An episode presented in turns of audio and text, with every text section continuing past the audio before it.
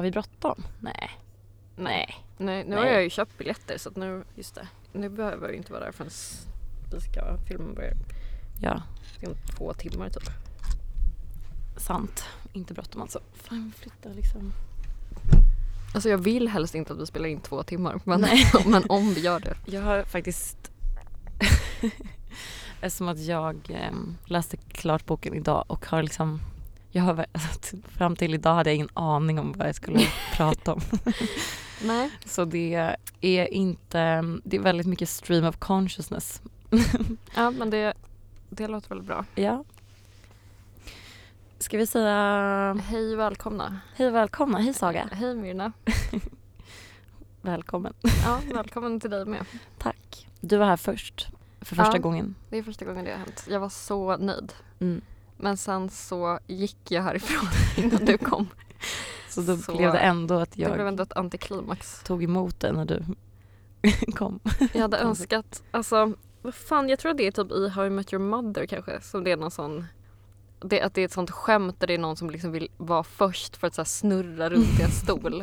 Det måste ju vara Barney. Ja, alltså att Barney vill göra Ja. det då i någon scen. Och så är det kanske att de kommer in så precis innan han har hunnit förbereda sig klart typ. Och så blir det så här. Jag sa nej kan ni gå igen? Jag har liksom en hel grej här på gång typ. Mm. Du, hade vel, du hade velat sitta i en snurrstol när Ja. jag kom in med en katt i knät. Men brukar det inte vara, jag brukar känna så ganska ofta när jag liksom är hemma eh, själv och vet att någon ska komma dit. Att jag Mm. liksom vill, alltså vill vara på ett visst sätt när, När de kommer? när de kommer. Ja, men det känner jag igen mig i. Definitivt. Kanske att jag tänker så när Paul kommer hem så ska jag inte ligga i sängen och scrolla min mobil. Utan jag kanske eh, städar eller eh, läser. Ja. Eller gör någonting som får honom att tänka annorlunda om mig än vem jag egentligen är. Ja just det. Ja. Man blir liksom självmedveten om att man, alltså vad man gör när man vet att Mm. man snart kommer bli liksom ja, påkommen. verkligen. Så sant. Ja. Hur mår du? Eh, jag mår bra. Jag är lite trött för att jag gick upp klockan sex i morse. Varför? För att jag skulle på en eh, utförsäljning som öppnade klockan sju.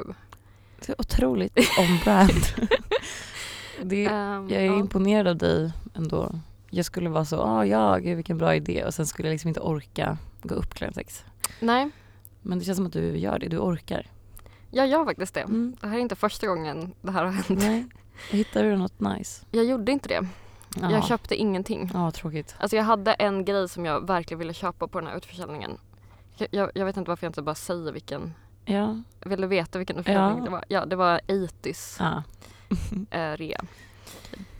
Och de har ett par skor som jag, jag har varit på deras reor tidigare liksom för de brukar alltid ha det. Mm. Eh, det är ett tips kring 80-skor att de är inte värda någonting. Egentligen. Nej, alltså de kostar ju så här 5000 kronor typ Ja. för ett par no, skor liksom. Men de kan sälja ut dem för 100 kronor. Men att- vet att du kan få de skorna för 500 kronor Mm. om du bara har lite is i magen typ. Just det, för inköpspriset är så egentligen 50. Ja, alltså bruksvärdet Ja. på de skorna är liksom noll kronor. Ja, det är bara bytesvärde. Ja. Och det bytesvärdet är verkligen uncalled for för att de Mm. flesta av deras skor är verkligen Skit. jättefula. Men eh, jag hittade inte de skorna som jag ville ha tyvärr. Eller jag hittade dem men de var i fel storlek. Attans. Eh, men jag, Attans bananer. ja, det var verkligen eh, snopet. Mm. Eh, men då har jag ju kunnat sitta och jobba på den här pratan Ja, hela dagen istället. då Eftersom jag fick en sån early start. Mm, jag älskar att få early starts.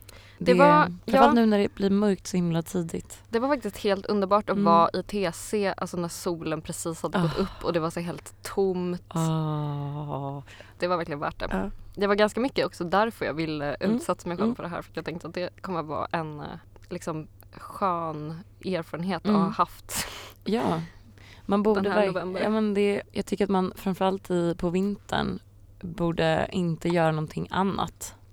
Alltså inte ha några kvällsaktiviteter alls, typ eh, november. Nej. Bara gå och lägga sig så klockan tio och gå upp klockan sex. Ja, ja, jag kan verkligen rekommendera det. Mm. Okej, jag har faktiskt en grej som innan vi börjar prata om boken som Ja. jag känner att jag vill lufta lite. Men gör det. Jag har bråkat på Twitter igen. Men gud. Fan vad det liksom, jag känner att det är våra, är det, någon, är det något med planeterna? Alltså det känns som att både du och jag har varit på så bråkstigen, Ja, jag har verkligen det. stridsstigen den Ja. senaste månaden typ. Jag har... Jag har... Jag vet inte, jag har bara känt att jag har haft sån jättelång PMS typ. Ja, det kanske är det. Men eh, det, nu när jag tänker på det känns det orimligt att jag skulle haft PMS i eh, så tre veckor. Men ja, jag har verkligen också känt mig på krigssteg. Förlåt, nu krypa upp i. Eh, fåtöljen. Men jag, det, var, det här var inte lika stort bråk kanske. Men det var ett bråk typ om influencers. Mm. Jag ska försöka dra lite snabbt. För det är inte så spännande. Det var bara en grej jag ville säga om det som jag kom på. Det började med att Linn Ahlborg la ut en Instagram-story på sig själv, en bild på sig själv när hon satt framför en dator och så skrev hon texten Så här har jag sett ut idag och har även suttit exakt här i nio timmar. Tre samarbeten, en vlogg och en mukbang senare. Sjukt att man inte fått de där fyrkantiga ögonen än som mamma sa. Och då la en tjej ut en printscreen på den här bilden på Twitter och skrev ha ha ha ha ha. Ja, så du har jobbat en vanlig jobbdag som hos dödlig eller? Och på det här fick hon kanske 2500 likes Mm. eller något. Det här har jag faktiskt hängt med lite Är det i. sant? Ja. Eller har det spridit sig bortom Twitter? Okej. Eller jag såg den här första gången på Tramsfrans Instagramkonto som delade den och var så här typ skrev exakt det där. Jag tror att hon kanske har bara tagit Mm, den mm. tweeten rakt av från det. Eller jag vet inte vem som var först men Nej, alltså ja, han gjorde samma så, poäng Ja. i alla fall. Men grejen är att jag kan tänka mig att båda gör poängen. Eftersom att det är en väldigt vanlig poäng att göra så fort influencers skriver någonting om eh, alltså typ eh, det administrativa kring deras jobb. Ja. Typ, så är, blir folk så jävla arga. ja, det är väldigt spännande. Ja, jag, jag verkligen jag satt och funderade på det för att alltså, jag är ju emot influencers eller man ska säga. Alltså inte de som individer kanske. Men jag är emot eh, det som fenomen. Men någonting jag inte är emot är att influencers typ klagar på sina jobb. Nej, eller det som är konstigt är att jag tror att, alltså jag tror att det kan bero på att folk fortfarande liksom har uppfattningen att influencers bara är människor som typ lever sina liv och lägger upp bilder Ja. på det och att man tycker att det är så obehagligt när den illusionen Ja. krossas och det egentligen är att de verkar ha det liksom helt vidrigt. Ja. Alltså jag menar sen är det liksom inte kanske jämförbart med att jobba på ett vanligt jättetråkigt jobb som inte går ut på att typ Nej. äta mat framför en kamera och så flyga och, och göra reklam för ett hotell typ. Men jag menar det är Absolut. liksom vidrigt på ett annat Alltså det är ju kvalitativt vidrigt Ja. på ett annat sätt liksom. Ja men precis, det, det, jag tror att det var det jag, jag tänkte på nu. Att alltså, antagligen så har det att göra med att man har den här bilden av influencers att de är så um, över oss, vanliga människor. Typ. Ja. Och att de bara är någon sorts eh, kändis. Typ. Men så, och de är ju en sorts kändis också såklart. Men det är ändå intressant att så här, det de behöver göra, de är inte bara vanliga kändisar, eller vad man ska säga. Utan de måste ju också faktiskt eh, eh, hela tiden typ skapa sitt kändisskap. Alltså konstruera det. Alltså det är ju det deras jobb är egentligen. Typ. Ja.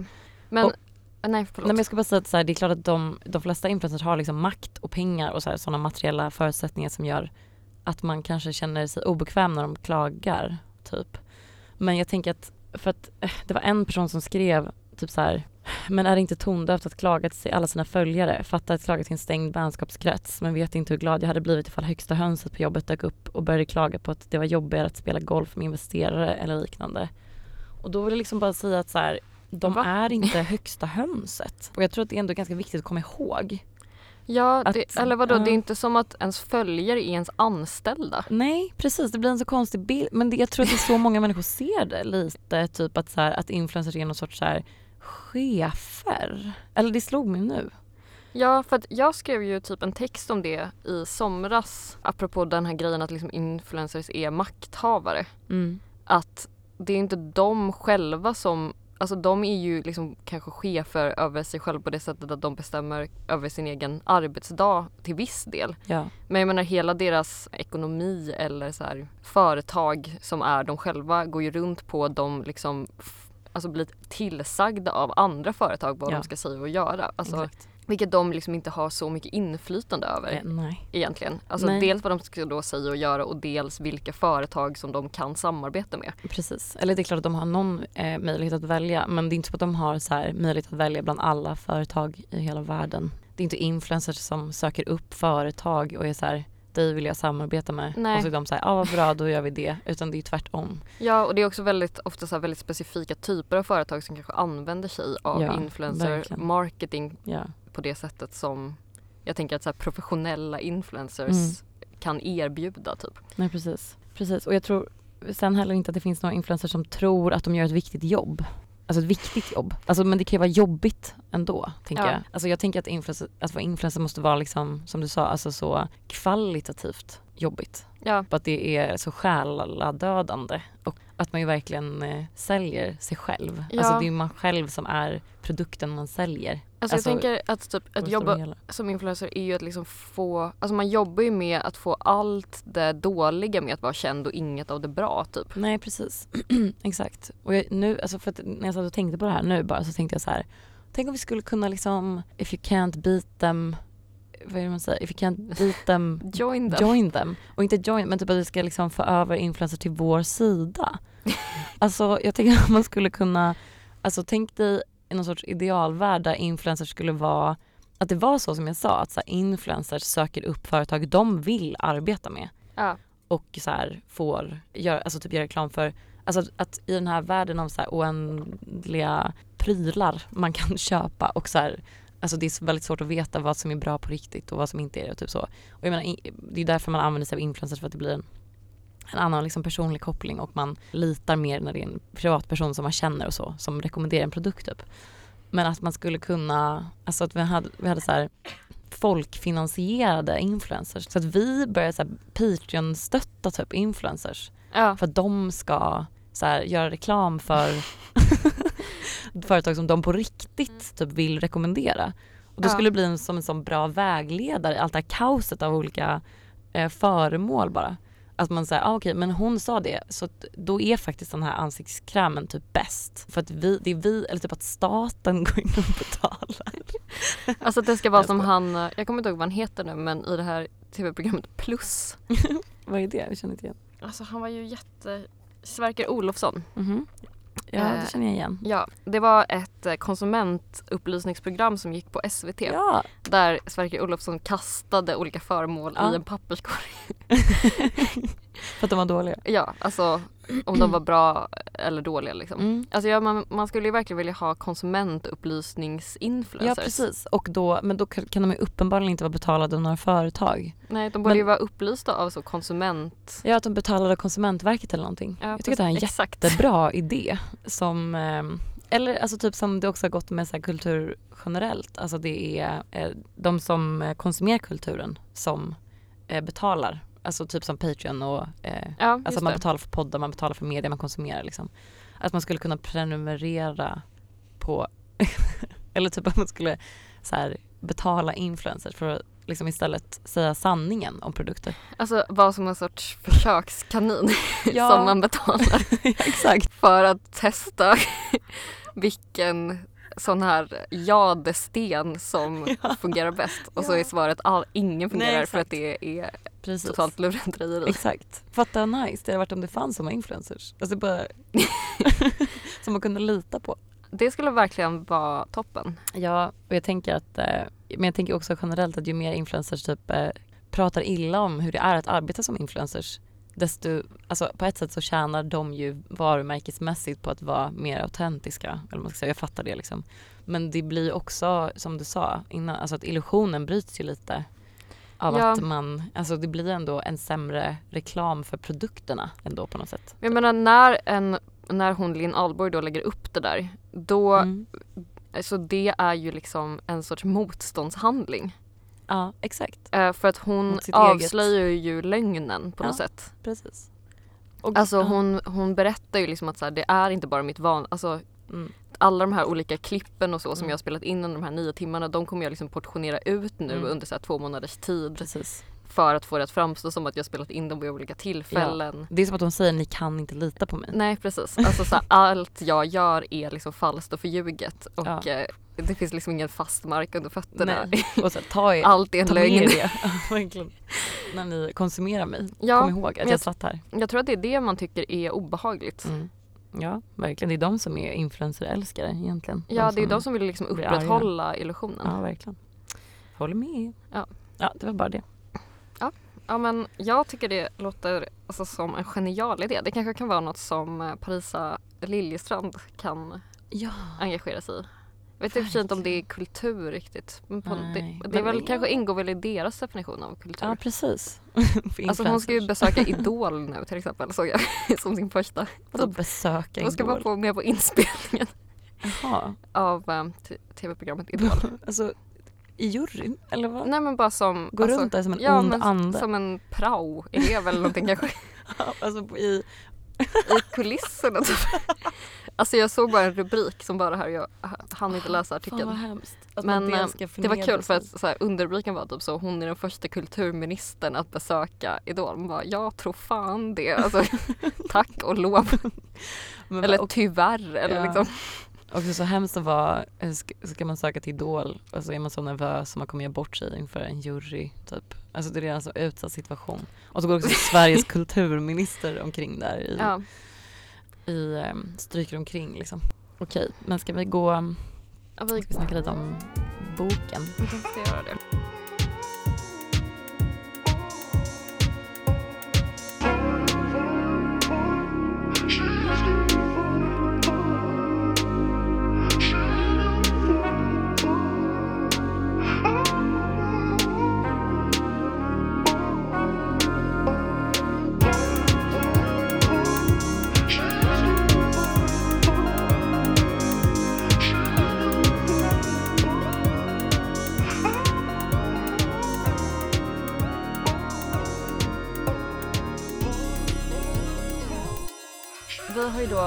Den här veckan läst en bok som du Ja, har valt. det är viktigt för dig. Jag bara tycker det är sån ödets ironi. Verkligen. Eller vad man ska säga. Det är verkligen eh, fast fångad i sin egen fälla. Gillar en fälla för sig själv. Och jag känner mig ganska skadeglad över det. Ja, det är okej. Ja, vi har ju då till den här veckan läst eh, All about love Mm. av den amerikanska kulturkritikern och feministiska teoretikern och eh, professorn i engelska Bell Hooks Mm. som dog förra hösten. Hon dog för typ ett år sedan. Ja. Bara 69 år Är gammal. det sant? Ja. Varför? Eh, Nej, jag vill inte veta. Men vi som har läst den här boken vet ju att hon dog med ett eh, Ja, verkligen. fridfullt sinne. I alla fall, hon gav ut sin första bok när hon bara var 19 år gammal Mm. och har ägnat en stor del då av sitt författarskap åt att eh, typ kritisera den mainstream feministiska rörelsen i USA Mm. och var väldigt tidig med att ha en intersektionell analys. Mm. Det känner man inte är kanske så radikalt nu. Nej. Alltså den intersektionella analysen liksom har gått, kommit väldigt långt ifrån vad den en gång var. Ja, Men när hon började liksom skriva utifrån en intersektionell analys så var det väldigt radikalt. Och hon menade ju då att eh, typ den mainstream feministiska rörelsen i USA hade ignorerat då afroamerikaner och kanske framförallt då afroamerikanska kvinnor Mm. som politiska subjekt. Mm. Och att man bara utgick ifrån så här vita hemmafruars Mm. situation. Mm. Och att man liksom förde en kamp som handlade om att kvinnor skulle hamna, alltså ha få jämlika vi- villkor med män. Mm. Men hon menade ju då att om man som afroamerikansk kvinna så var, kunde man inte ha det som en politisk utopi eftersom de också var så förtryckta. Mm. Så att när man hade det som en utgångspunkt för feminismen så blev den då väldigt snedfördelad till Mm. Vita kvinnors förmån fördel. till vita kvinnors fördel Ja. och utbar utifrån vita kvinnors perspektiv. Liksom. Just det, men det var det, vi pratat om det i något avsnitt va? Eller har vi pratat om det utanför podden kanske? Men så här, idén om att eh, den vita kvinnan skulle få komma ut på arbetsmarknaden och så. Ja precis. Att det Ehm, snarare för svarta kvinnor var tvärtom, att de redan var på arbetsmarknaden och ville till hem Ja. sina familjer typ. Ja, Inte behöva precis. arbeta så mycket. Alltså när man har en, ja precis, när man har en sån politisk idé som är så kvinnor ska komma i arbete Mm. så utgår man ju inte från en arbetares perspektiv. Sannolikt inte. Precis. Och det var väl lite det som var hennes perspektiv då som var väldigt radikalt. Och vi, den här Allt om kärlek är ju då hennes kändaste bok kanske för att det Mm. är den boken som är liksom kanske minst radikal Ja. på vissa sätt. ja, och på vissa sätt fruktansvärt radikal. Ja, på vissa jag. sätt extremt, alltså ganska extrem i sina Alltså, anspråk. Extrem, verkligen. Men när Bell Hooks dog då så skrev eh, Elina Panke en dödsruna över henne i Sydsvenskan Mhm. Där hon skrev om All about love. Mm. Och då skrev hon så här om den som jag tyckte var ganska bra. Det är valår, det här, okej hon, kanske- hon skrev det här typ i våras kanske. Det är valår och partierna tycks i stort vara eniga om en samhällsmodell som i mer eller mindre grad bygger på utsugning och utnyttjande. Först när vi förkastar denna utgångspunkt kan vi ta oss an Bell Hooks kärleksbudskap från hennes mest kända titel Allt om kärlek. Det har aldrig varit en romantisk berättelse om att alla ska omfamna varandra. Den är tvärtom radikalare än allt som sägs i offentligheten just nu. Hon skriver kärlek och förtryck kan inte samexistera. Kärlek, menar Hooks, är den revolutionära idén om att vägra klassamhällets dominans att göra upp med alla tidigare herravälden. Mm. Och det är ju absolut en slutsats som man kan dra utifrån den här boken men jag tycker att det liksom är en av många. Verkligen. Jag tänkte läsa ett stycke som jag tyckte var ganska representativt Ja, för hennes gärna. ton och Ja. eh, tankesätt. Det. Det här handlar då om förlåtelse. Mm. Och då skriver hon så här. When a colleague who I admired, whom I considered a friend, who for no reason that was ever clear to me began to write vicious attacks of my work, I was stunned. Her critiques were full of lies and exaggerations. I had been a caring friend. Her actions hurt. To heal this pain, I entered into an empathic identification with her so that I could understand what might have motivated her. In forgiveness, a bold choice for a peaceful heart, Robin Kassaragin explains. Forgiveness is a way of life that gradually transforms us from being helpless victims of our circumstances to being powerful and loving co-creators of our reality. Mm. It is the fading away of the perceptions that cloud our ability to love. Through the practice of compassion and forgiveness, I was able to sustain my appreciation for her work and cope with the grief and disappointment I felt about the loss of this relationship. Forgiving means that I am able to see her as a member of my community still, one who has a place in my heart should she wish to claim it. Alltså, hon Ja. är ett helgon. Ja. Hon är verkligen en underbar människa. Ja. Och det, det vet hon om. ja. Nej, men jag tycker att den här, det här som hon skriver här och mycket i den här boken är ju verkligen så väldigt insiktsfullt och eh, sant Mm. och korrekt på alla sätt. Mm. Men det är också väldigt liksom sakligt och snusförnuftigt på ett sätt som nästan, alltså det känns lite mekaniskt nästan. Mm. Och hon, det känns, man blir lite så här ömmar lite för henne typ. Mm. Eller hon känns lite liksom rar. För att hon Ja. har ett så otroligt, jag vill inte säga förenklat men ett sånt liksom Alltså hon är så klarsynt att det liksom nästan blir för klarsynt. Men gud Alltså hon blir så naiv Mm. som ett barn liksom. Ja, Men det är typ precis det här jag ska prata om. Ja, och den är liksom samtidigt, alltså den är väldigt gravallvarlig Mm. också. Till exempel citerar hon så Beatles. Ja. Eh, jag pratade om det här, jag träffade vår gemensamma kompis Johannes precis innan Mm. för vi var på samma ställe och jobbade och eh, då läste jag upp ett citat där hon är så hon skriver typ så här We should remember the Beatles prof- prophetic words Money can't buy you love.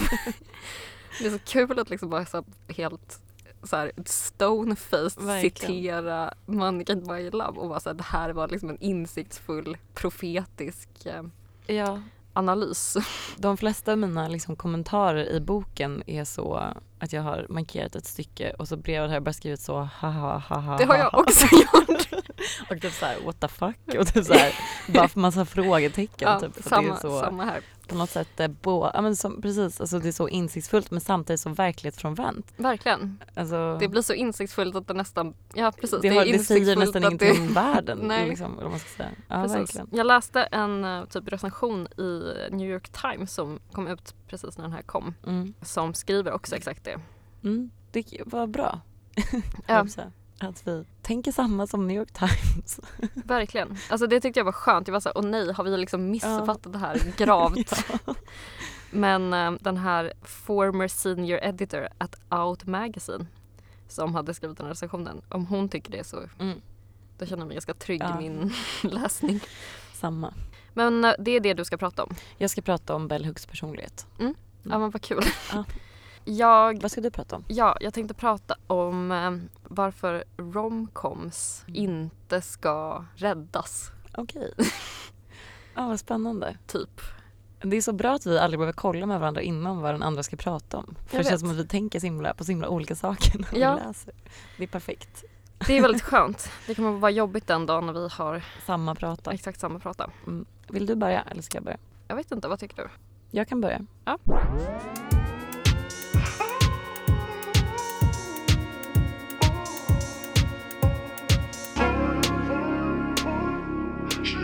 Jag har ju som sagt då suttit och skrivit den här pratan eh, precis innan jag liksom cyklade hit. Mm. Så jag har liksom inte hunnit läsa igenom den alls. Eller egentligen typ eh, ja, korra eller något. Men jag började som oerhört skeptisk mot den här boken. Ja. Och är fortfarande liksom delvis skeptisk. Men när jag eh, kom in i hennes sätt att tänka typ och försökte, alltså som vi, som vi sa, att det, är så insiktsfullt att det blir verklighetsfrånvänt. När jag liksom försökte bara läsa hennes idéer som de fristående verkligheter eller man ska säga. eh, Så tycker jag att det är ett väldigt eh, intressant sätt hon har att se på kärlek. Ett sätt som i och för sig behöver, jag tycker behöver breddas Mm. och kanske inte står så bra i sig självt. Utan om man ska använda den här boken för att förstå vad kärlek är så tror jag inte att det räcker. Utan man behöver komplettera med andra perspektiv och idéer om vad kärlek är. Det är ju roligt för att hon är så, det är väldigt viktigt att vi ska ha liksom working definition of love. Eh, precis. Och hennes working definition är helt obegriplig. och hon är så, nu har vi äntligen fått en working definition och man är så, nej. "Mm, nej. det har vi inte. Det här gör mig liksom mer förvirrad Ja. kring vad kärlek ska betyda. Verkligen. För att det Bell Hooks argumenterar för i sin bok, alltså i grund och botten är ju att eh, vi ska börja se eh, på kärlek som ett verb Mm. istället för ett substantiv. Och kanske istället för en känsla också. Ja. Hon skriver precis i början av boken To begin by always thinking of love as an action rather than a feeling is one way in which anyone using the word in this manner automatically assumes accountability and responsibility. Alltså det blir ganska direkt uppenbart att det finns ett väldigt eh, funktionellt syfte med att betrakta kärlek som en akt och inte som en känsla.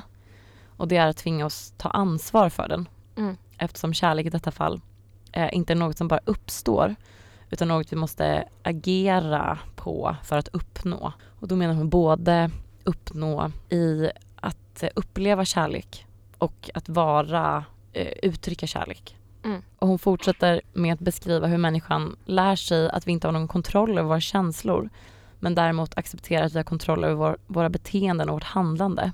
That intention and will inform what we do. Hon säger också att vi accepterar att vårt handlande har konsekvenser och att tänka på hur beteenden formar känslor är ett sätt att frigöra oss från konventionella idéer om kärlek som till exempel att föräldrar alltid älskar sina barn eller att man falls in love utan att utöva eh, vilja eller val. Mm. Hon menar att vi istället för att skapa ett mer kärleksfullt samhälle ska tänka att love is what love does. Och jag skulle då vilja prata lite om Bell Hooks personlighet som man kan beskriva som ganska särskild. Ja. Hon skriver själv att hon kommer från en väldigt dys- dysfunktionell familj och hon är väldigt öppen med att hon har motsägelsefulla och svåra känslor gentemot både föräldrar och syskon som jag liksom tolkar det. Och jag tycker att den här bakgrunden färgar, det var, det var nog det som jag hade svårast med i liksom början av boken. Att jag hade väldigt svårt att relatera, inte för att jag inte kommer från en dysfunktionell familj, för det gör jag väl delvis, men, eller det gör väl alla liksom. Ja. Men inte dysfunktionell på det sättet som hon beskrev och jag tyckte att hon beskrev det som så här, eh, typiskt. Ja, alltså hon, hon utgår ju verkligen från sig själv på ett sätt, eller generaliserar kring sig själv i början och generaliserar också mycket kring alltså typ en viss alltså specifik situation som är typ hennes uppväxtmiljö i USA, Mm. alltså som typ medelklass svart i Mm. USA på 50-talet. Ja. verkligen. I då ett dysfunktionellt eh, hem Ja, med precis. liksom psykisk misshandel. Ja, verkligen. Och Exakt. fysisk Ja. också. Ja. Och det, blir, det är lite svårt att generalisera. Eller jag kände väldigt mycket att jag eh, inte relaterade till det hon beskrev. Men dysfunktionaliteten eh, till trots så, har, eh, så är det väldigt uppenbart att Bell Hooks verkar ha kunnat liksom resa sig över det Mm. på ett sätt som jag tycker är, som imponerar mig. Och jag känner genom hela boken att jag dels har väldigt svårt att relatera till henne, som vi var inne på innan, samtidigt som jag eh, beundrar henne av en massa olika anledningar. Och jag har några exempel som liksom, eh, jag tycker är beskrivande för hennes personlighet. Ja. Det första exemplet är att hon är på en eh, middag där hon hamnar i en diskussion om huruvida det är rätt eller fel att slå sina barn. Och då får man väl tänka att det är en annan tid. Det här tyckte jag var väldigt kul att hon är typ så här, att de ska vara så progressive liberals och eh, Ja. alla tycker att det är okej att slå sina barn. Verkligen. Där känner man verkligen, det här kan jag inte relatera till. Inte alls. Nej. Men då är det i alla fall en man på den här middagen som skryter, hon, skriver, hon använder ordet skryter, om att han blev väldigt slagen av sin mamma när han var liten och att detta hade varit good for him då. Och Hooks beskriver om hur hon bemötte detta. I interrupted and suggested that he might not be the miso- misogynist woman hater he is today if he had not been brutally beaten by a woman as a child. Jag Och- älskar att du tog upp det här. Det är Ja. så jävla kul. Alltså, för, alltså vilken king. Alltså, Så som- himla orädd för dålig stämning. Verkligen. Och det, ja, det, det kommer fler exempel på när hon är orädd för dålig stämning. Ja. För att något som hon verkligen understryker som ett krav för att kärlek ska uppstå är ju ärlighet. Hon har ett helt kapitel som kretsar kring ärlighet. Och att praktisera ärlighet konstant. Mm. Eh, både mot sig själv och mot andra. Och hon berättar As someone committed to being honest in daily life I experienced the constant drag of being seen as a freak for telling the truth even when I speak truthfully about simple matters. If a friend gives me a gift and asks me to tell him or her whether or not I like it, I will speak the truth in a positive, caring manner. Yet, even in this situ- situation, the person who asks for honesty will often express annoyance when given a, a truthful response. och eh, ja, igen då, så himla, liksom, att vara så himla orädd för dålig stämning typ. Och eh, att ha så mycket integritet. Ja, att vara så säker är- på att man själv har rätt. Ja, exakt. Och att folk typ inte kommer vilja sluta umgås med en för att de tycker att man är så jävla jobbig. Mm, verkligen. Och, men just det här tycker jag, jag tycker att det här är väldigt intressant och väldigt talande för vem Bell Hooks är. Och jag vet förvisso inte om det är hennes dedikation till den här kärlekspraktiken eller om det är hennes personlighet som gör det möjligt för henne att ha den här sortens, eller den här nivån av integritet.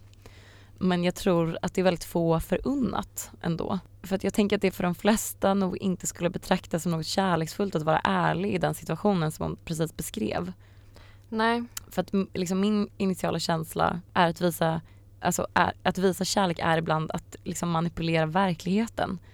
Eller manipulera sanningen eftersom sanningen inte alltid fullt ut representerar verkligheten. Alltså till exempel om någon ger en en present, om man säger att man inte tycker om presenten så är det ju inte bara det man säger utan man underkänner ju också den individens försök att liksom imponera på en. Alltså det man säger är ju eh, du känner inte mig tillräckligt bra för att kunna välja ut en present jag tycker om. Nej och eh, jag menar det finns ju en poäng om man ska vara lite bell hooks och använda sig av klichéer. Alltså uttrycket tank, det är tanken som räknas. Ja, Det är ju det det betyder att liksom Alltså man är ju sann i det att man kanske blir glad över att man får en present. ja, Och sen behöver man då kanske inte vara uppriktig med exakt vad man tyckte om den presenten. nej precis. För att den, man blir väl glad om man får en present. Eller det är det som är så himla märkligt. Alltså att, att hon har dem, eller märkligt men det är väldigt intressant att hon Ja. liksom då direkt har kritiska tankar om den presenten Ja. som hon vill uttrycka. precis. Och att hon menar att man kan göra det på ett liksom omhändertagande Verkligen. positivt sätt. För det tycker jag känns som en självmotsägelse. Verkligen. Och det är väl det jag menar med att så här, eller eh, det, sanningen är inte alltid kärleksfull. Typ. Eller, alltså, den inte, eller jag tycker inte att sanning per definition blir kärleksfull. Nej. Alltså, eller en kärleksfull handling ens en gång. För att alltså, jag kan liksom någonstans förstå värdet i att eh, försöka praktisera total ärlighet äh, hela tiden. Alltså det är ett fint ideal att ha Ja. på ett sätt. Men det går inte att vara 100% ärlig om man ska ha en kärleksfull relation med någon. Alltså man kan inte alltid säga vad man tycker om en persons handlande eller liksom beteenden. Nej men framförallt för att man kanske inte vet exakt alltid vad man tycker. Nej, precis. Och då skulle det ju vara att ljuga Ja, att vara sann. Alltså bara Ja. gentemot en känsla. ja liksom. precis. Alltså istället så väljer man ju att framhäva det som bättre representerar verkligheten. Ja. Alltså att man är tacksam för att personen ansträngt sig för att fixa en present. Ja.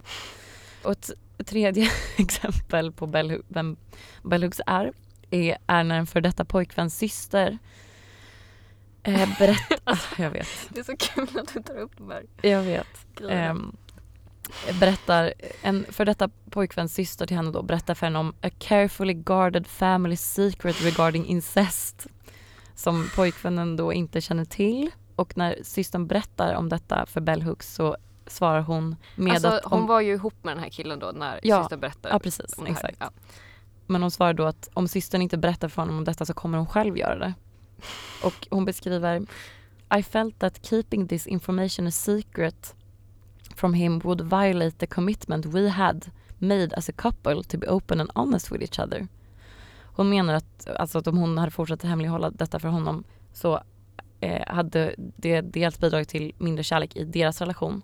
Men hon beskriver också att hon hade liksom eh, bidragit då till eh, hans kärnfamiljs dysfunktionalitet. Och även fast det såklart delvis är sant ja. så verkar hon inte alls beakta liksom systerns relation till sin bror och vad hon kan ha för olika motiv att inte berätta för honom om den här mörka familjehemligheten.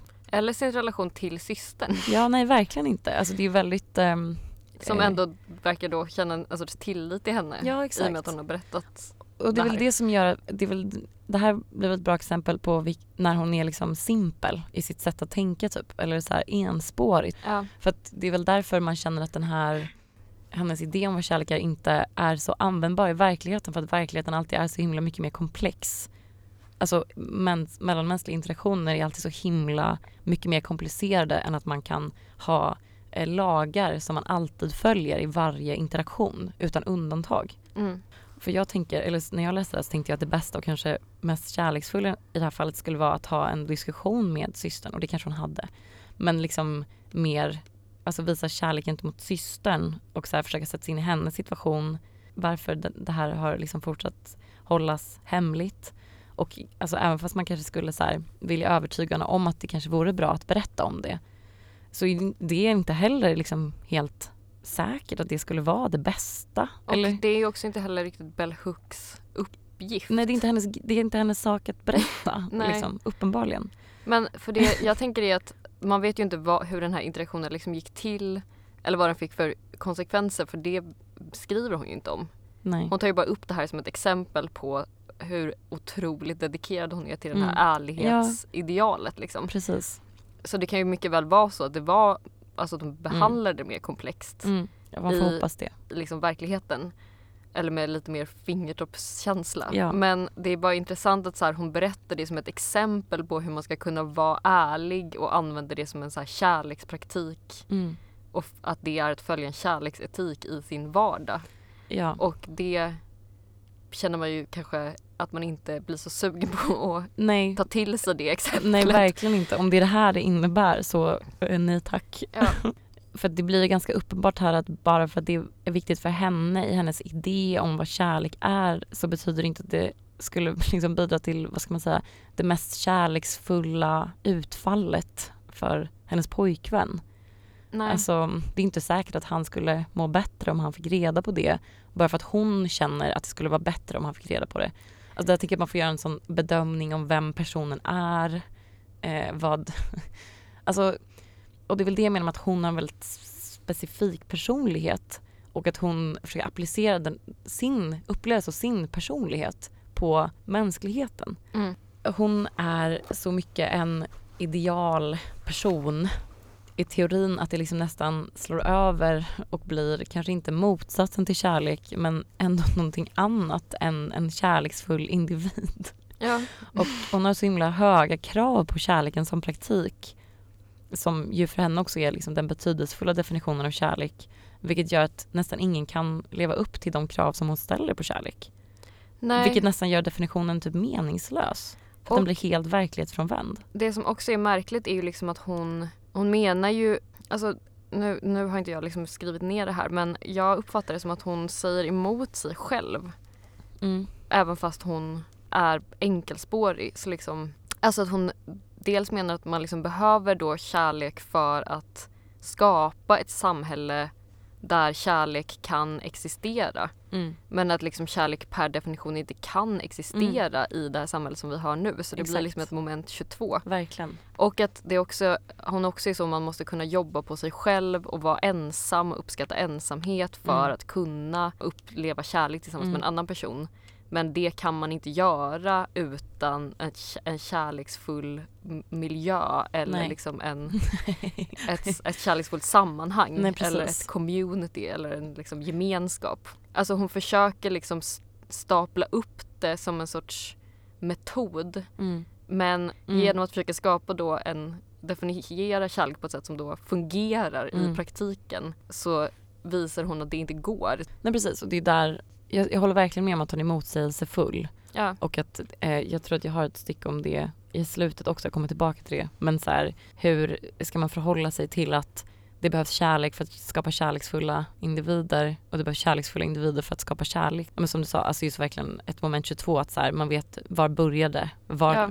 är det här verkligen rätt ände att börja i? Alltså hon verkar ju tycka att en väldigt vä- viktig väg är att gå jätte, jättemycket i terapi. Ja, Men Mm. det är det inte alla som har möjlighet Nej, verkligen till. inte. Men för att jag är, ehm, jag är all for liksom, utopiska idéer. Men när jag läste den här boken så kände jag ändå att man någonstans måste utgå från förutsättningar man har. Och som vi har sagt nu väldigt mycket, men jag tror att det med Bell Hooks definition av kärlek blir väldigt svårt att leva upp till kärleken så som hon beskriver den. Hon pratar ju mycket i boken om samhället och hur samhället formar oss som individer och att samhället vi lever i gör det svårt för, och i vissa fall omöjligt för oss att både skapa kärlek och uppleva kärlek. Men jag känner att det är som att hon inte helt heller fullföljer sitt resonemang om vad det innebär. För att hon argumenterar fortfarande att det är ett val vi kan göra. Att vara öppna för kärlek eller att inte vara det. Och det är ett argument som jag liksom kan känna igen från folk omkring mig också. Att man brister i sin förståelse för andra på ett typ emotionellt plan. Alltså, och jag känner igen det i mig själv också alltså Alltså i samhället på det stora hela. Alltså att man säger så här, jag förstår att du har de här förutsättningarna men jag kan ändå inte förstå att de här förutsättningarna ledde dig hit. Att de här förutsättningarna fick, eller så här, att du har agerat på det här sättet. Att man är så här, jag, jag fattar vad du, vad anledningen till att, jag, jag förstår anledningarna till att du beter dig som du gör men jag kan ändå inte förstå att du har betett dig som du har betett dig. Bellhook skriver Taking responsibility does not mean that we deny the reality of institutionalized injustice. For example, racism, sexism and homophobia all create barriers and concrete incidents of discrimination. Simply taking responsibility does not mean that we can prevent discriminatory acts from happening, but we can choose how we respond to acts of injustice. Taking responsibility means that in the face of barriers, we still have the cap- capacity to invent our lives, to shape our des- destinies in ways that maximize our well-being. Och det är här som jag tänker att hon faller mest. Och det gäller inte bara när det kommer till att så här, tillhöra en marginaliserad samhällsgrupp eh, som skulle göra det svårare att leva i ett samhälle utan jag tror också att andra faktorer påverkar en, alltså i det här fallet eh, ens personlighet. Ja. Att så här, alla har inte den personligheten, det temperamentet, den läggningen. Alltså inte bara förutsättningarna från så här, vilka materiella omständigheter man kommer ifrån eller vilken grupp man tillhör. Utan det behövs en ganska särskild sorts personlighet för att kunna in the face of barriers still have the capacity to invent our lives, to shape our destinies. liksom. Ja, alltså bara baserat på den här boken så får man ju känslan av att hon är en person som har liksom en fruktansvärt stark inre övertygelse om sin egen Verkligen. förmåga. Precis. Det verkar inte vara någonting som kanske hon har fått med sig från ett kärleksfullt hem Nej, eller sådana grejer utan någonting som verkar finnas ganska djupt i henne. Och personligt är ju sån grej, det är alltid, det tvistas ju om såklart. Men personligt är ändå en sån grej som man inom psykologin, när man pratar om arv och miljö så är personlighet en sån grej som är ganska beroende av arv. Mm. Sen så är det klart att de alltid samverkar på en massa olika sätt. Och det är kul för när jag läste den boken så kände jag att det är verkligen inte alltid man önskar ett mer individualistiskt perspektiv. Nej. Eh, Men i den här boken så kände jag att det verkligen saknades liksom en självreflektion eftersom att just som jag sa i början för att hon skriver så utifrån ett helgonsperspektiv typ. Att det är väldigt lätt för henne att ha de här tankarna om hur man borde bete sig för att uppnå kärlek när det inte verkar så svårt, eller det verkar svårt och har varit svårt för henne att komma dit på ett sätt men att hon ändå har lyckats göra det. Alltså allting som hon säger låter väldigt bra.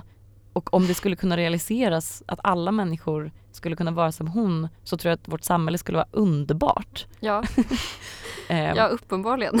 ja, men jag tror att det är väldigt svårt att nå dit. Bara genom tankekraft Ja, exakt, som är det som hon förespråkar. Exakt. Jag tycker det var roligt i det här stycket som jag läste att hon bara skriver så I had been a caring friend. Att hon var så säker på det. Alltså hon kanske har resonerat och kommit fram till att hon var det men det är bara intressant att man inte får hänga med i det resonemanget Nej, verkligen. överhuvudtaget. Alltså så här, hur, hur visste hon att hon har varit en caring friend? för det är väl det första man själv skulle tänka om någon började Ja. bete sig så mot en. Gud, har jag gjort jag har något gjort fel? Ja, exakt. Ja. Nej precis, hon har ju, det är det, hon har en otrolig integritet. Ja. Och den här boken är ändå 21 år gammal. Ja. Så att hon var ju liksom inte så, det var inte som att hon satt på ett helt långt liv av visdom. Nej, hon som var typ- 50. Ja, 49. Ja. Ja. Här hade jag skrivit lite om det vi pratade om innan, att jag liksom funderar på vilket håll det går åt. För samtidigt som hon beskriver att media och kapitalism och individualism är orsaker till att vi är dåliga på att älska så lägger hon fortfarande så mycket vikt på individens förmåga att förändra samhället genom att lära sig tänka annorlunda kring sig själv och andra. Och om, men om samhället är orsaken till att vi har svårt att älska behöver man inte förändra liksom samhället först på något sätt. Eller menar hon att man vill förändra, alltså jag blir lite så här, man kanske kan förändra samhället genom att förändra människor men det känns också som typ den svårare vägen att gå. Ja, och det är intressant när hon resonerar kring pengar och Mm. kapitalism för hon gör det nästan bara utifrån premissen girighet som Ja. ju liksom är en personlig egenskap Ja, och inte så mycket utifrån Alltså att hon, det verkar som att hon menar liksom att om vi bara slutade vara giriga och mm, var så, ha ett sånt ha-begär så skulle vi ha ett helt annat ekonomiskt system. ja. Samtidigt som hon också beskriver hur hon har, hur hon har liksom flera olika hus som hon har inrett enligt olika teman. Ja, verkligen. Och precis, och jag känner att så här, om man ska prata om människans natur. Vi har pratat om det i förhållande till Triangle of Sadness. Vi pratade Mm. om det i förra avsnittet. Men så här, är människan girig till sin natur eller är det En konsekvens, en konsekvens av... av ett politiskt system och ett eh, särskilt liksom, sätt som samhället är organiserat på mer än att eh, människor är på vissa sätt och att man kan förändra det genom att förändra människor. Och det tror väl inte jag riktigt på. Men nu skulle jag vilja avsluta med att ge två andra, inte definitioner men två andra idéer om vad kärlek är som kanske handlar lite mer om känslan kärlek Mm. och inte så mycket om eh, kärleken som akt. Men för det, det jag tänker på är att hon definierar liksom inte ens känslan. Nej, inte Som alls. att Hon pratar källan inte om, inte, känslan inte liksom existerar. hon pratar inte om känslan överhuvudtaget. Fast den gör ju det. Ja. För annars skulle inte den vara liksom ett M, alltså ett, en issue Nej. överhuvudtaget. Nej men det är det som är så intressant också med hennes bok, att hon inte en enda gång pratar om hur det känns att känna kärlek för någon. Nej. Alltså hur det känns i en person. För det är, också, det är oftast känslan kärlek som får en att vilja vara kärleksfull. Alltså vilja age- liksom act upon. ja. Alltså, det är, man, alltså sen förstår jag att man kan, eh, att det finns en poäng med att försöka praktisera kärlek gentemot alla människor. Men eh, det är ändå, det är oftast, det är då det blir enklast att se vad kärlek är när man älskar någon. Och vad man vill göra för den personen när man känner så. Ja. Den ena definitionen då kom jag över förra gången jag var hos min psykolog och blev tipsad om att lyssna på ett avsnitt av Filosofiska rummet. Avsnittet är från den 9 december 2018, det är ett ganska gammalt avsnitt. Titeln är Kärlekens väsen och mening. Och det råkade vara så att min mamma är med i det här avsnittet. och jag tänkte spela upp ett litet klipp när hon pratar om eh, hur hon känner för kärlek. Mm. En, en normativ sak där då, är Mm. den romantiska kärleken, är den nödvändig för ett fullgott och meningsfullt liv? All you need is love. Vad säger ni? Ja, då måste jag, för nu har jag fått, jag har fått, eh, jag har väntat hela livet på att få berätta min syn på kärlek eh, eh, i, i radion. Jag har alltid haft en, och jag tror att det, och jag har till och med läst att det beror på förstorade frontallober eller någonting sånt, men jag hade redan som barn en väldigt stark känsla av kärlek i världen, i, i den här agape-kärleken, Mm, mm. människokärlek. Att, eh, jag kommer ihåg att jag var ute i naturen och jag kunde uppleva från himlen och träden och, och, och växter och djur att jag, att jag var i, i eh, kontakt med detta och jag var, jag var älskad. Och det är inte alls som någon religiös utan det var en helt sekulär upplevelse att jag var Mm. en del av det här livsflödet som fanns i världen. Så att det är en, ett slags panteistisk kärlekssyn som jag hade från det att jag var barn. Och för mig har det varit att det är inte alls det att jag inte tycker att allt är den här diskussionen och de olika sorterna, hur man reagerar, kärlek och känslor och så vidare eh, och hur man pratar om det.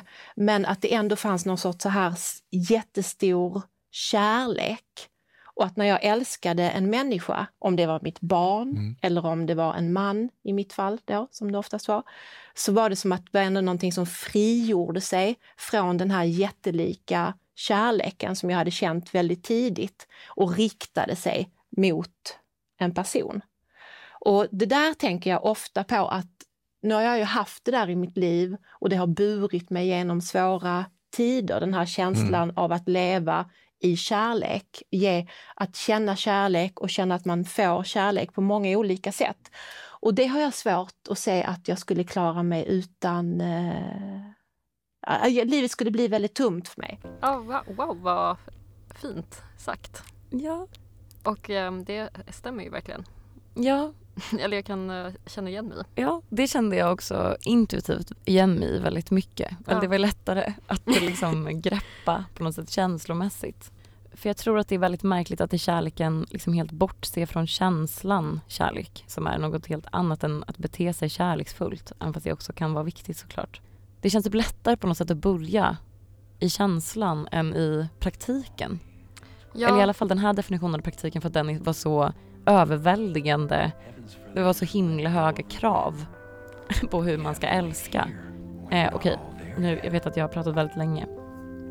Men jag lyssnar på min favoritartist The Weeknd och han har en låt som heter Phantom Regret by Jim, som, eh, i vilken Jim Carrey sjunger eller pratar.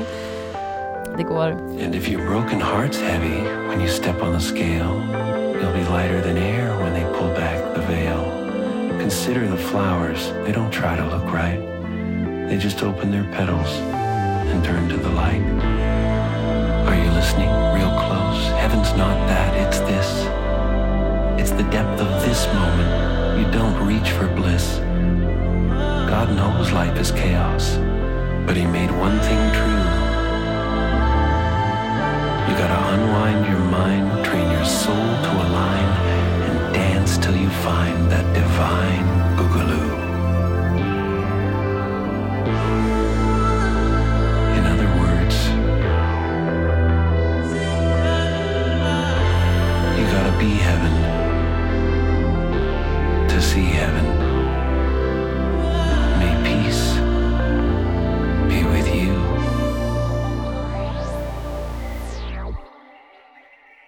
Och jag tycker att det som man framförallt kan ta fasta på i det här stycket är Heaven's not that, it's this.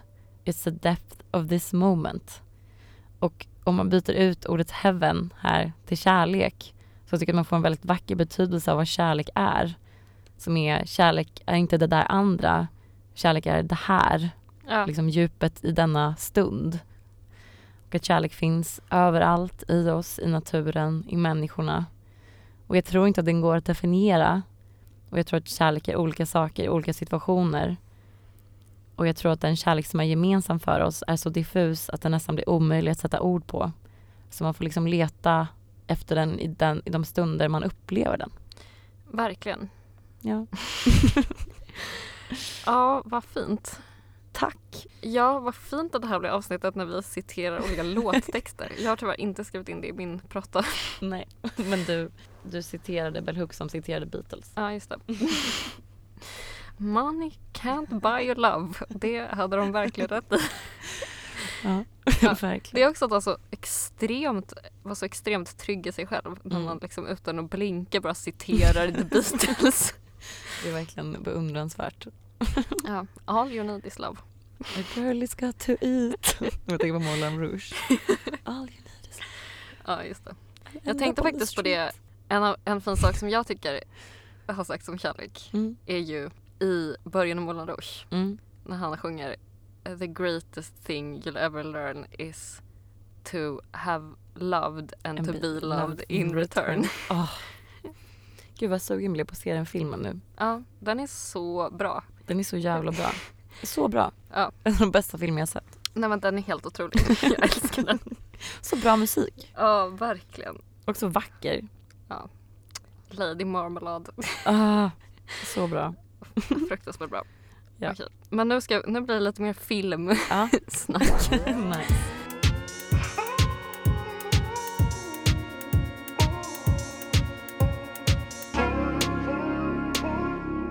Jag läste nyligen en text i eh, det amerikanska kulturmagasinet Vulture Mm. om Det känns som den, att du läser en, har läst en text i... den nyutkomna text i det amerikanska kulturmagasinet Vulture hela tiden. Ja, det är nästan det enda jag läser. Ja. är liksom därifrån jag får alla mina, all information Ja, om vad jag ska tycka om olika saker. ja perfekt. Jag läste då en text där om den här eh, filmen Bros. Har du hört talas om den? Ja, nu när du... Ja, något vagt. Ja, den hade premiär nu typ, jag vet inte, häromveckan kanske. Den är liksom nyutkommen. Mm. Och anledningen till att den är lite liksom omsnackad är ju för att det typ är den första, alltså den första hbtq romantiska komedin typ. som har producerats av liksom ett stort produktionsbolag. Mm. Alltså den är en, det är en homosexuell man som har skrivit manus, han spelar också huvudrollen. Mm. Alltså den handlar om två gay-män. Mm. De flesta i ensemblen är hbtq-personer. Är det Och sådär. den med han, vad heter han, Neil Patrick? Nej, Nej. det är någon annan. Det är någon annan. Men alltså Okej. grejen är att nu så ska jag ju prata om, alltså nu, den här texten handlade ju om, om bros. Men Mm. det har kommit väldigt många filmer. Den här grejen att så här, det finns inga hbtq romcoms Mm. verkligen, har verkligen blivit en som en sorts utmaning. Alltså Mm. Filmbolagen har verkligen tagit det som en utmaning. Challenge accepted. För det har kommit så jävla många sådana filmer nu, är Mm. min känsla. Men i alla fall, den här handlade då om Bros och den hade rubriken Stop saving the romcom och var skriven av en skribent som hade eh, ett väldigt konstigt namn som var Jackson McHenry. Han skriver då så här. There is almost as much romance in the movie Bros as there is talking about romantic comedies. Bros does all it can to insist that we're past cliches, but it ends with a declaration of love, albeit conditional, and even a song. but if Bros feels so obligated to be a rom-com, then what kind of rom-com is it trying to be? The more the characters talk about the genre in the movie, the more vague my understanding of what exactly it considers the obligations of a romantic comedy. Han McHenry skriver då vidare att vi liksom har börjat betrakta den romantiska komedin som ett fixerat, tydligt avgränsat ting. Mm. Själva liksom ro- konceptet romcom Mm. har liksom mer och mer definierats Mm. som en tydlig idé Mm. och ett begrepp liksom. Och det har hänt då samtidigt som den här genren har tynat bort Mm. så har den liksom börjat fetichiseras Mm, typ. mm. Och man har börjat, det har liksom uppstått en så här väldigt stark typ nostalgi på Mm. internet kring Mm. romcoms. Och romcom-troper och klichéer och liksom så här genre, vanliga genregrepp och sådär. Mm. Ja, jag känner direkt att ja, jag saknar dem fruktansvärt mycket. Ja. Alltså när, för, alltså anledningen till då att romcoms har tynat bort är ju för att produktionsbolag släpper färre och färre filmer som är så här medelbudget typ. Mm. Utan bara satsar på så storbudget Mm. franchises Mm. som eh, typ Avengers och sådär.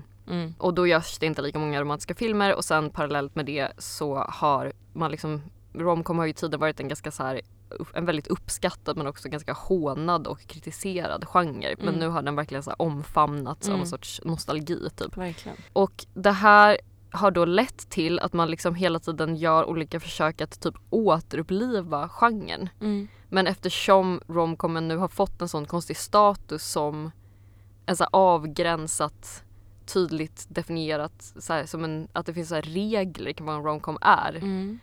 Så blir de här försöken liksom överdrivet självmedvetna och meta typ. Mm, just det, såklart. Just Alltså för att det Mm. man liksom leker med genren Ja, på ett ganska ängsligt sätt. man kan inte bara göra en romcom. Nej precis, måste- för att alla liksom är mm. medvetna om de genreklichéerna. Mm, just det. Och så här, man kan tänka att, för i den här texten tar han liksom upp vissa exempel på typ lyckade romcoms Mm. som han menar framförallt är så på TV. Till exempel andra säsongen av Fleabag typ. Och som ju bara är så här en kärlekshistoria som Mm. man blir engagerad i och där man bryr sig om karaktären och man vill att de ska bli ihop. Liksom. Men gud, är det... För jag tror bara jag har sett första säsongen. Ja. Men blir andra säsongen mer en rom, romcom? För Alltså- jag tycker att den var så jävla sorglig Ja men och uh, tragisk. andra säsongen är ju, då kanske inte du har sett den, men det är att hon eh, börjar dejta, eller hon blir jättekär i en katolsk präst. Ja just det, ja, men jag har sett Ja. klipp från det. Men Eh. är, försvinner den liksom lite tragiska tonen? Nej. Nej okej. Men deras kärlekshistoria är väldigt liksom engagerande Ja. och eh, sexig typ. Ja. Och jättebra. Mm. Men när man liksom då ska göra romcom på film så är det oftast det här som händer. Att man bara gör som en jättekonstig genre, Mm, kliché, Mm. meta, formel Mm. liksom. Och det blir inte så kul att titta på. Ja. Till skillnad från då hur romcoms var när det inte var så. För då, då det är ju jättekul att titta på. Det, jag såg, det finns ju en, verkligen en kategori eh, så här, innehåll på TikTok med så här, människor som gör parodier på olika, hur olika filmer är. Mm, typ så här, en typisk dansfilm Ja. från eh, kanske tidigt 2000-tal var alltid exakt så här. Ja, exakt. Ja, och det var, ja, och men det, ja, man kan ju förstå att det blir svårare att göra en sån film. Ja, när någon har liksom identifierat Ja, exakt, exakt. alla klichéer. Ja, precis. Mm. Nej, man kan inte riktigt göra det genuint då. För då framstår man ju som lite dum liksom. Eller lite naiv på Mm. något sätt. Eller lite så ignorant Ja. typ. Då skriver han McHenry eh, With so many of the resuscitated rom-coms of recent years the tropes feel like they're driving the action rather than the other way around. The rom-com, like a delicate houseplant, must, must be watered with a sufficient amount of meet cutes, airport chases and forced misunderstandings. The characters, supposedly the reason we're getting invested in these romances, get left in the dust. Abstracting Nora Ephron's work or the individual perspective of any other writers and directors and actors into something vague and distant and supposedly dead makes the result so much less engaging. Mm. I'm not going to congratulate you for Frankensteining together some gestures toward a received idea. That's making a movie backward from the marketing. Nonetheless, movies continue to announce that they're here to save the romcom. I wish they would kill it instead. Eh, Ja. Ja. Men vi, alltså precis, på ett sätt så det kanske inte går att göra så bra romcoms som kunde göras innan vi hade den här idén om vad en romcom är. Nej, precis. Eller liksom man kan ju göra, jo eller det går ju Mm. uppenbarligen. Alltså typ som andra säsongen av Fleabag då. Mm. Men är det verkligen att jämföra med typ Love actually? Nej det är det ju inte. Nej. Nej, alltså, precis, den genren som är så, så typ eh, alltså bara, naivistisk ja, men och, och liksom bara, bara, bara feelgood. Ja typ. precis, det är ju ja, svårt. Ja, alltså Ja. även en genre där även det mörka blir feelgood. Alltså Mm. typ såhär, i Love actually är den här lilla pojken som förlorar sin mamma och så är det den här hans låtsaspappa väl. Ja, Som tar hand om honom Ja, och och det, man är man så här- det, är bara värme. Ja och det är så, det är typ kul och han är så här, tror att han, barnet är ledset för att han har förlorat sin mamma och så är det så här, egentligen att han är olyckligt kär. Alltså det är Men- verkligen, Problemet är liksom att eh, alltså, Love actually är ju en bra film. mm, det är det faktiskt. Och det, alltså det är väl det som, man måste ju vara en bra filmskapare för att göra en sån sorts film med liksom den och få fram den känslan utan att det blir cyniskt Mm. typ. Och det verkar det inte vara så många filmskapare som är Nej. idag. Nej men ja, nej precis. Därför borde ju romcom-genren vara liksom den mest typ beundrade. Ja, Det är så jävla svårt. jag tror också, det här tar inte han upp i texten men att ett stort problem är alltså att alla bra romcoms är eh, brittiska. Ja, just det. Alltså alla dåliga romcoms är ju amerikanska. Ja, det är verkligen sant. Men det görs typ inte så såna storfilmer i Nej. England längre. Nej, Alltså man behöver den här liksom brittiska, att det ska vara Mm. lite witty. Ja. För att det inte ska bli så för smörigt och konstigt typ. Alltså alla sådana så här bridesmaids, Ja. Valentine's Day, Ja. det är bara, alltså det är bara skit, alltså de är Ja. så dåliga Ja. tycker jag. Räknas Baksmällan som en romcom? Alltså Eller är det mer en kom bara? jag tror att det är mer en bro-com. Brocom. Ja. Också en bra genre. ja, absolut. Den är de dock jättebra på i USA. Mm, verkligen. Men det här betyder ju inte att det inte finns folk som försöker Göra romcoms. göra romcoms. Nej. I början av september så har ju Svenska Filminstitutet en sån eh, presskonferens Mm. där man liksom presenterar vilka filmer som ska komma under hösten. Och då kollade jag på en presskonferens för filmen Tack för senast. Som, Doing God's work, verkligen. som eh, är regisserad av Moa Gammel. Och i den här presskonferensen så beskrev hon den filmen så här. Eh, och för mig, romcom hade ju sin högtidsstund på 90-talet eh, med Richard Curtis till exempel, men kanske främst Nora Ephron. När Harry träffade Sally är liksom den bästa romantiska komedin som hon någonsin har gjort. Och min film har också nio kapitel som är färgkodade, utspelar sig bara på fester i ett kompisgäng. Klara är lite av en incel-tjej och Victor är lite av en kanske-man. Just Och man är så, åh, undrar varför de inte får varandra direkt. Ja, Jag älskar att så här, genren i sin form har väldigt specifika regler. Som är så här, till exempel i den romantiska komedin så ska det vara så att det finns ett kärlekspar som hela publiken förstår i första scenen. Så här, Ni är ju perfekta för varandra. Men de förstår inte det. Vad intressant att kunna prata om sitt eget verk på det sättet. Ja, eller hur? Ja, hon har ju då gjort bara precis en sån här film som jag Ja. sa. Ja. Och verkar inte riktigt medveten om att det här är något som är extremt eh, gjort Mm. eh, Nej. i tiden. Eh, hon är verkligen bara ett sorts eh, trendoffer. Men också så kul att så här, vara så här, det här är den bästa romcom som någonsin gjort. Min film är ganska lik den Ja, faktiskt. det är ändå, ja. Ja, det är ett, att ha självförtroende. Ja. Men varför har då Moa Gammel gjort den här filmen precis just nu?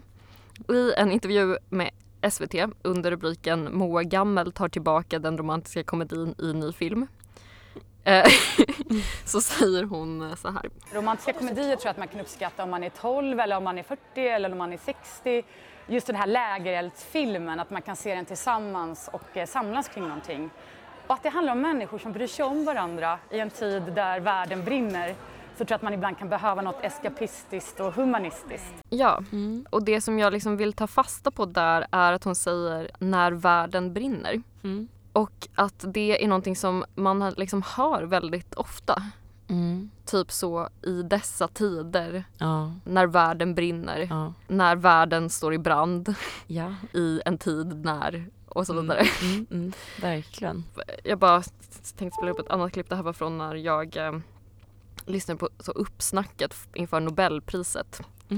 Mm. Och då så bara sa de så här. Mm, Lina, hur känner du det? Ja, men jag känner också sådär, jag inleder alltid veckorna före Nobel med att känna att äh, det är faktiskt bara ett pris trots allt. Försöker få lite så här verklighetsanknytning. Världen brinner ju trots allt. Världen brinner ju trots allt. Trots allt så brinner ju Ja. världen så då kan man ju inte riktigt bry sig om Nobelpriset. Men så Nej. gör man ändå det. Ja. ja. Men trots allt. Vi lever ju i en tid där världen brinner. Det brinner var Ja. undrar jag. Och eh, det som är intressant med det här är ju vad menar man då med att vi lever i en tid där Mm. världen brinner? Man menar väl såklart på ett sätt att världen brinner, alltså rent bokstavligen. Ja. För det är jättemycket skogsbränder hela tiden. Men, eh, och att de ökar i mängd och intensitet och så för att Ja. eh, den globala uppvärmningen Ja. pågår. Men, men just nu brinner det ju faktiskt inte så mycket. Nej. Så det, jag känner att det är inte riktigt, det är inte bara det man syftar på. Alltså Nej. det är inte bara så specifikt liksom, utan det är mer generellt. Ja. Alltså också att man säger så här, i dessa tider. Mm, mm. Att det, liksom, det som är då utmärkande för den tiden vi lever i är Mm. att världen brinner. Ja, Alltså det som liksom skiljer den här tiden från andra tider som människor har levt i. Exakt. att vi lever i en tid eh, där världen brinner helt enkelt. Mm. Men det, det som är väldigt speciellt med det här är ju, är ju att det får att låta som att världen liksom inte har brunnit alltid. Ja, exakt. Alltså det är något som är väldigt eh, liksom reaktionärt på ett sätt. Ja. Alltså det, blir, det är väldigt liksom apolitiskt Mm, för att återkomma till ett Mm. favoritord, ett nytt favoritord i den här podden. verkligen. Alltså att, att man liksom, man bara kan konstatera det utan att behöva följa upp det på något sätt med vad man liksom egentligen menar. Och det blir väldigt märkligt för vad är det man menar egentligen med att det just är liksom i dessa tider som världen brinner och Ja. vi behöver en romcom På ett sätt samlas känns, kring. känns det som att världen brinner mindre nu än vad den gjort.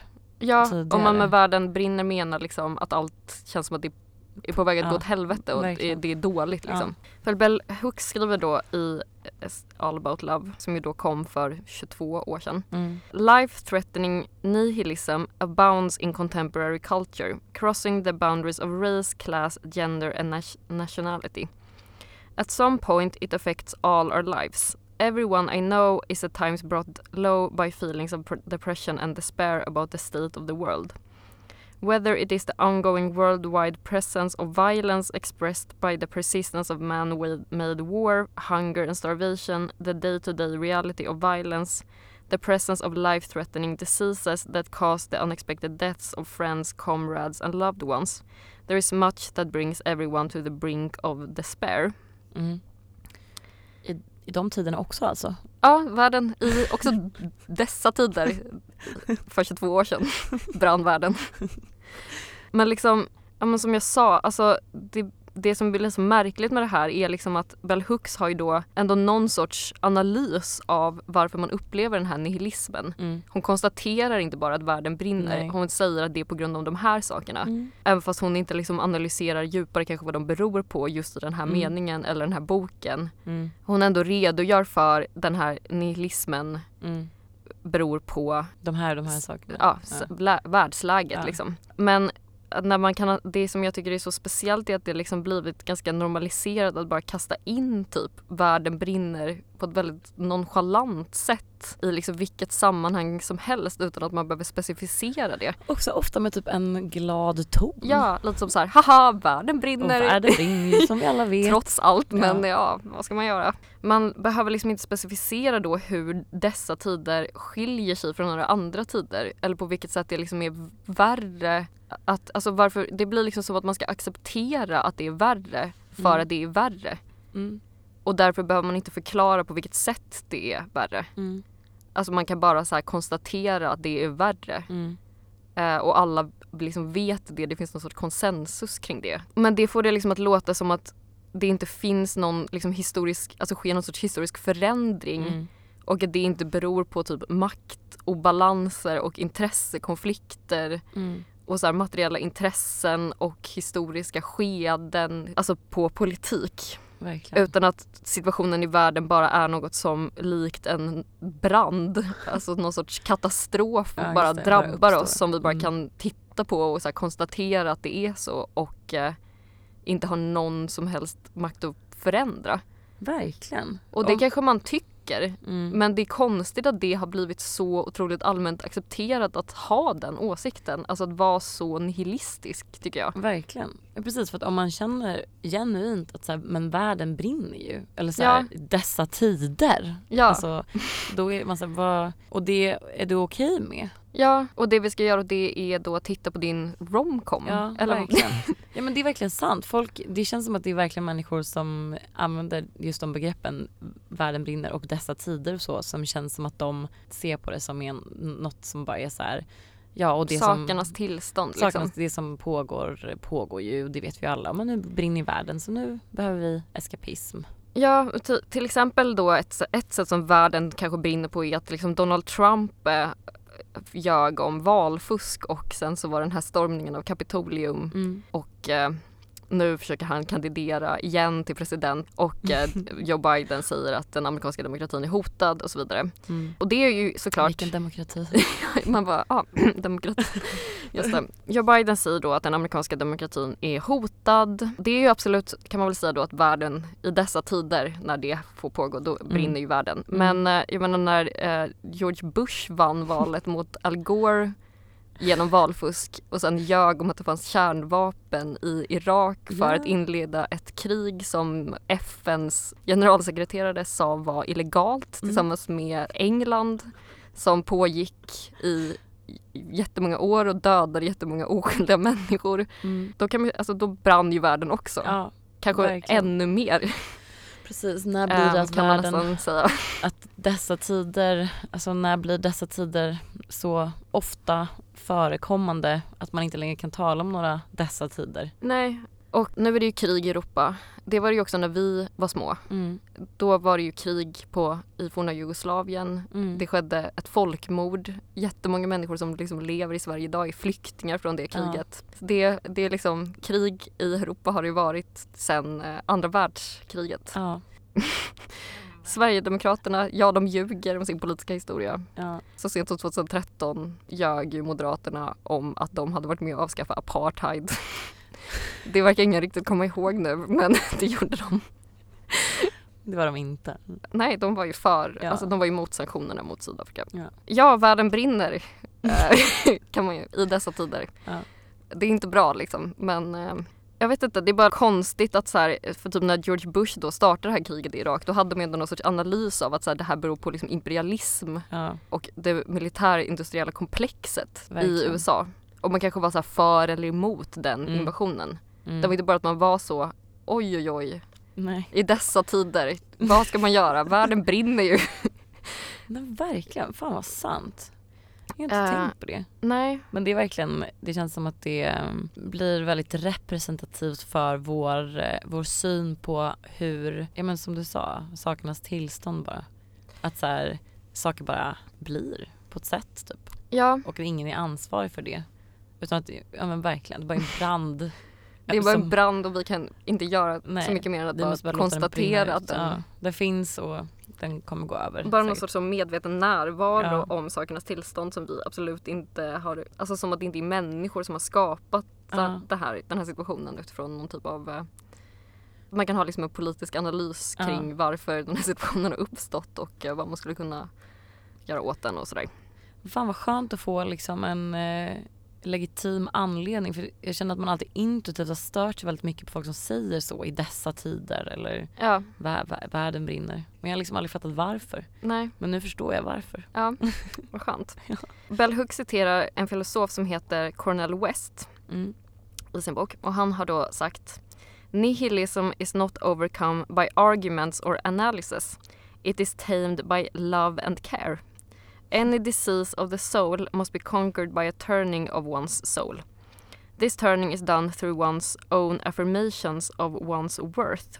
An affirmation fueled by the concern of others. Och eh, till skillnad från Cornel West så tror jag liksom då att det både behövs analys Mm. och kärlek och omhändertagande för att bryta den här liksom resignationen inför världsläget som jag upplever liksom blir mer och mer normaliserad på ett väldigt oroväckande sätt. Mm, verkligen. Man kan nästan säga att det politiska läget har blivit en trop i sig Mm. på samma sätt som liksom romcomen har blivit en trop i sig. Ah, verkligen. Alltså det har liksom Ja. blivit som ett, ett fixerat, tydligt avgränsat ting som vi liksom inte har något inflytande över. Mm. Utan som vi bara kan så här, på ett kyligt, distanserat sätt föra en självmedveten metareflektion kring. Mm. Och bara identifiera de troperna Mm. och bara så här på ett väldigt cyniskt och eh, då liksom nihilistiskt sätt titta på dem som att det är en då tropbunden genrefilm som liksom bara måste följa det mönster som det följer. Mm. Och det enda man kan göra är då liksom att ironisera kring vad man ser på som på avstånd typ. Mm. Som att man liksom inte själv är i det. Mm. Eller liksom en aktör i samhället eller Mm. typ ett subjekt. Vi pratade lite om det förra veckan i den delen av podden som aldrig blev inspelad. Just det.